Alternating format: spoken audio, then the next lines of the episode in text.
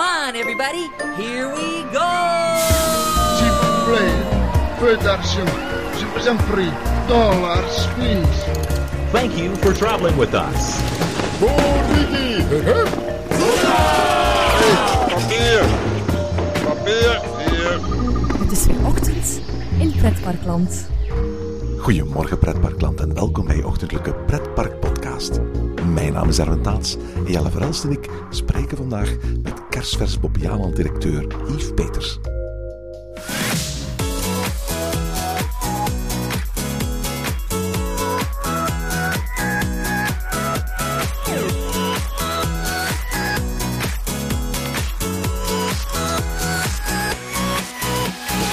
In deze aflevering praten Jelle Verhelst en ik met de nieuwe directeur van Bobbejaanland, Yves Peters.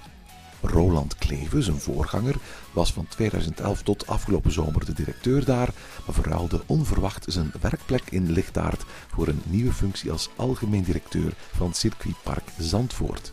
Kleven moet van het Formule 1-circuit in Noord-Holland een leisurebestemming maken. Zijn opvolger was drie jaar lang de financiële directeur van het plezantste land, die in zijn nieuwe functie als parkdirecteur ongetwijfeld nog even vaak zijn spreadsheets open zal hebben staan als vroeger. We spraken kort met de nieuwe Bobbejaanland-baas na de persconferentie voor het jaarlijkse Halloween-evenement in het park. Goedemorgen Jelle. Goedemorgen Erwin. Zeg Jelle, we zijn hier in Bobbejaanland. We zijn hier met Halloween. En straks gaan we kort ook even spreken met de nieuwe directeur. Want Bobbejaanland heeft een nieuwe directeur. Ja, Roland Kleven is, is ehm, in de loop van dit jaar ehm, ja, heeft, heeft, heeft een, ander, een, een, een andere weg gekozen.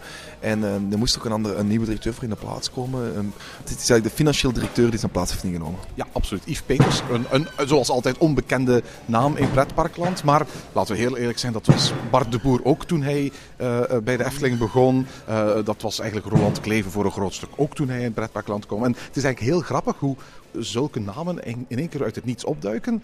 En vervolgens na, heel snel huishoudnamen worden onder liefhebbers van pretparkland. Ja, ja inderdaad. Hè, want Bart de Boer, we hebben er voor nog niet over gesproken. En nu weten we allemaal wie het is. En, en Roland Kleven weet ook allemaal wie het is. Van, van, uh, dus, dus ja, de, die namen die, komen, die, die worden gezegd en, en die blijven hangen natuurlijk. Uh, zeker zeker als, het, als het gaat om, om Nederlandstalige directeurs. Hè. Ik denk dat iedereen ook Wouter Dekers kent bijvoorbeeld, die eerst bij Moviepark en nu bij Slagaren zit.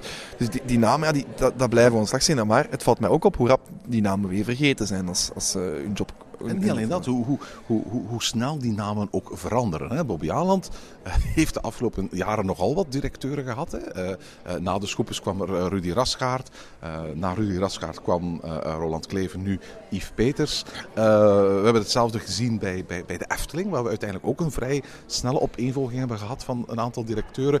Walibi Holland heeft nu al een tijdje Marcia van Til, maar ook daarvoor is een, een, een behoorlijke wissel van de wacht geweest. Idem dito in, bij Walibi Belgium, die nu ook met Jean-Christophe Parrain een vrij stabiele situatie heeft. Maar ook daarvoor was er een behoorlijk snelle wissel van de wacht. Je kunt je afvragen hoe prototypisch dat is voor de sector. Of dat gewoon CEO's, CEO's in het algemeen wel heel snel van, van baan veranderen. Of van baan moeten veranderen als het dus wat minder gaat. Misschien uh, kunnen we het uh, vergelijken met voetbal. Waar trainers ook uh, redelijk snel gewisseld worden als er iets misloopt. En de vraag is, is het altijd als er iets misloopt? Misschien ook niet. Hè? We weten niet hoe, hoe, dat de, hoe dat de boeken lagen hier in Mobialand. Of, of de wie de kaarten vast had. Nu, vaak hebben CEO's ook een symboolfunctie. Op het moment dat het wat minder goed gaat in, in, in, in, een park, dan is vaak het afscheid van een CEO een, een symbolische manier om te laten zien aan, aan, aan, je aandeelhouders, aan je stakeholders van we, we gaan een nieuwe richting inslaan. Hè. Ik geef je daarin gelijk, als het een aandeelhoudersbedrijf zou zijn, rechtstreeks, dat, waar rechtstreeks invloed had, maar hier een, situatie Bobby Aland, heb je Bobby Aland, zit met Parks Reunidos tussen. En vraag ik me af, als jij, als jij een, invloed wilt hebben op je aandeelhouders, hè, dan, dan, dan is dat, zou het eerder al iets moeten zijn dat opgelegd is geweest door Parks Reunidos. Dan Parks Reunidos heeft gezegd van het loopt daar niet goed. Dit is geen zet geweest om aandeelhouders te stellen, denk ik. Nee, dat geloof ik ook niet. Het is, het is, een, het is eigenlijk een vrij goed jaar geweest in pretparkland. Overal waar we kwamen, en dat geloof ik oprecht, vertelden de pretparken ons van 2016 was heel goed. We spraken onlangs nog de directeur van, van uh, Walibi Belgium. En die zei van kijk, los van wat technische problemen die we gehad hebben met de Pulsar. Los van misschien niet het ideaalste weer in juli en augustus. Kunnen we eigenlijk niet klagen qua, qua, qua, bezoekcijfers. En zijn we er goed op. En misschien zelfs voor onze projecties. En, en dat is hetgeen wat een pretpark wilt hebben natuurlijk. Uh, uh, het, het, het is ook altijd... Ik, ik, ik ben al afgestapt van het denken in bezoekerscijfers, omdat ik heel vaak het gevoel heb dat dat opgetrokken wordt. Als je allemaal kaartjes een halve prijs geeft, dan haal je zo meteen heel veel bezoekers binnen. Hè? En identiek is bijvoorbeeld een, een, een bezoeker, is een betalende bezoeker. En, en dat is niet in elk park hetzelfde. Waar in Plopsland iemand moet betalen vanaf 75, 85 centimeter, moet dat in Bobbejaanland niet. En volgens mij is dat net voor Plopsland een heel groot aantal bezoekers. Juist. Waardoor heel makkelijk het aantal bezoekers daar omhoog kan liggen. En de, de cijfers waarmee naar buiten worden gekomen zijn vaak ook afgeronde cijfers. Zijn, zijn cijfers die, die ja, Wallaby komt altijd uit naar zijn cijfers met Wallaby en Aqualiby samen. Plopsland brengt altijd zijn, de cijfers van bijna alle parken tezamen uit in heel België. Dus Soms worden concrete cijfers gegeven, op andere momenten worden percentages gegeven. Soms worden jaarcijfers gegeven, op andere momenten worden vakantiecijfers gegeven. En na een tijdje wordt het heel erg moeilijk om te gaan vergelijken. Ik denk dat parken dat ook bewust doen, omdat ze uiteindelijk wel vaak vanuit de pers verplicht worden om met dat soort cijfers naar buiten te komen. Maar ze willen natuurlijk in de eerste plaats een mooi weerverhaal naar buiten brengen. We hebben het volgens mij al eens gehad in, in, in over dat, ehm, dat, dat we deze zomer nog niet zoveel hebben gehoord. Na, meestal na de zomer komen er van die artikels online is van oh, schitterend goed gedaan. En, we hebben een goede zomer gehad en, het is goed geweest. We hebben zoveel procent meer bezoek dan vorig jaar. En dit jaar zagen we die, die artikels eigenlijk niet echt komen. Dus dat Misschien ogenblik- omdat ze ook wel heel veel verwachten van Halloween. op dat ogenblik hadden wij misschien sowieso het gevoel van... Allee, had, ik, had ik in ieder geval het gevoel van... Oei, het is misschien toch niet zo goed geweest in de parken. Maar uiteindelijk gaat het om de bottom line. Hè. Het gaat niet over hoeveel bezoekers dat je over de vloer krijgt. Het gaat uiteindelijk over hoeveel houden we over aan het eind van de meet. hè. Hoeveel geld komt er binnen? En hoeveel winst kunnen we daaruit maken? En hoe kunnen we die dan weer gebruiken om ons personeel te betalen en om aan nieuwe attracties eh, te gaan doen? En in het geval van parken die deel uitmaken van een groep, om als het ware die groep tevreden te stellen. Want dat is uiteindelijk ook heel belangrijk. Ja, inderdaad. Dus het gaat, het gaat niet om, om het aantal bezoekers. En dat is geen wat ik zeg. Ik wil daarvan afstappen. We moeten daar als, als, als pretparkliefhebbers ook van afstappen. Van te kijken hoeveel, hoeveel bezoekers van het parkje kijken. Daar Zo volgens mij- verleidelijk. Hè? park kijkt er volgens mij ook veel minder naar dan dat ze... Dat ze allee, misschien dat ze er wel naar kijken, dat ze wel blij zijn dat ze hun, hun, hun quota's hebben gehaald. Maar aan de andere kant, misschien op de hoogste bureau hebben ze eerder zoiets van...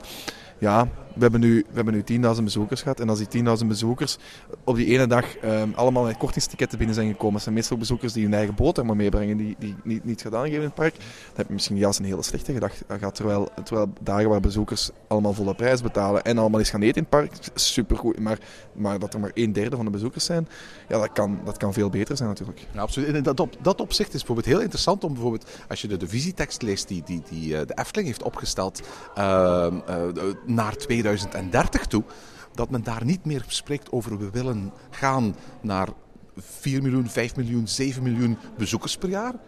Daar hebben ze het in één keer over, we willen gaan naar 5 miljoen bezoeken per jaar. We willen het hebben over 7 miljoen bezoeken per jaar.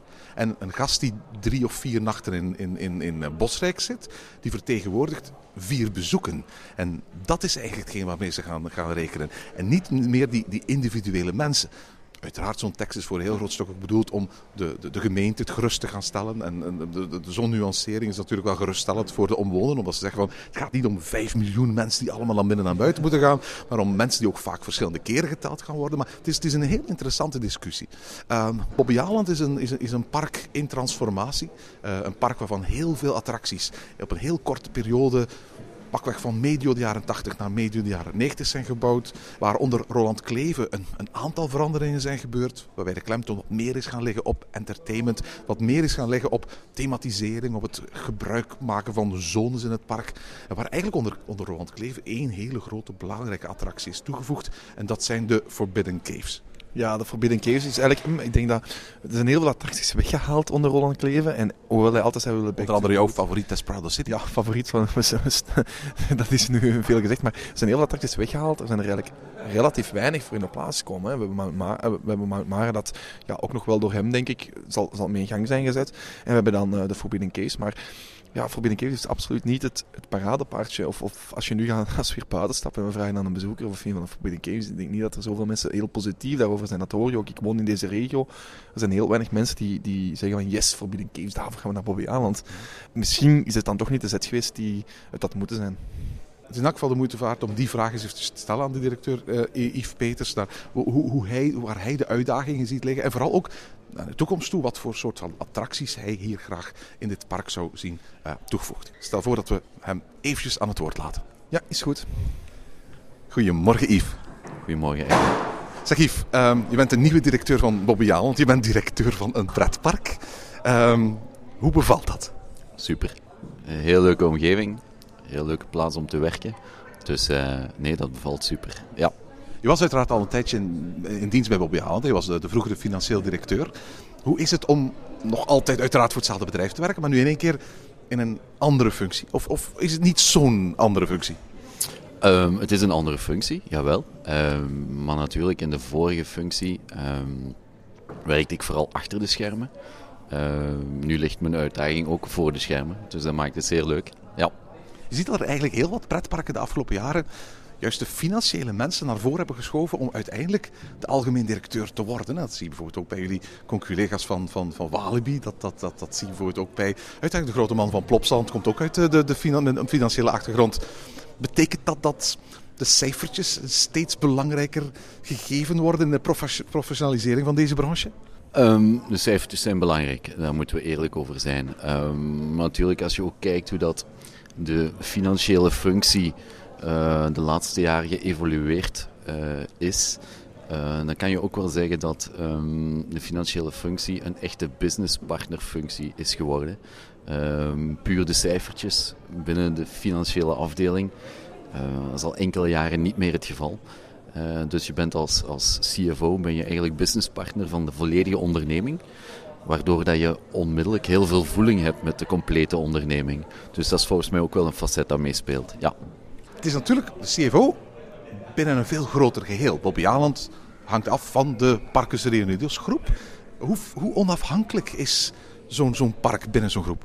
Uh, onafhankelijk, natuurlijk. Je maakt deel uit van een grote structuur. Uh, dat wil concreet ook zeggen uh, dat je dient te rapporteren naar die grote structuur toe. Uh, werken binnen een grote structuur houdt bepaalde regels in, maar biedt anderzijds ook opportuniteiten.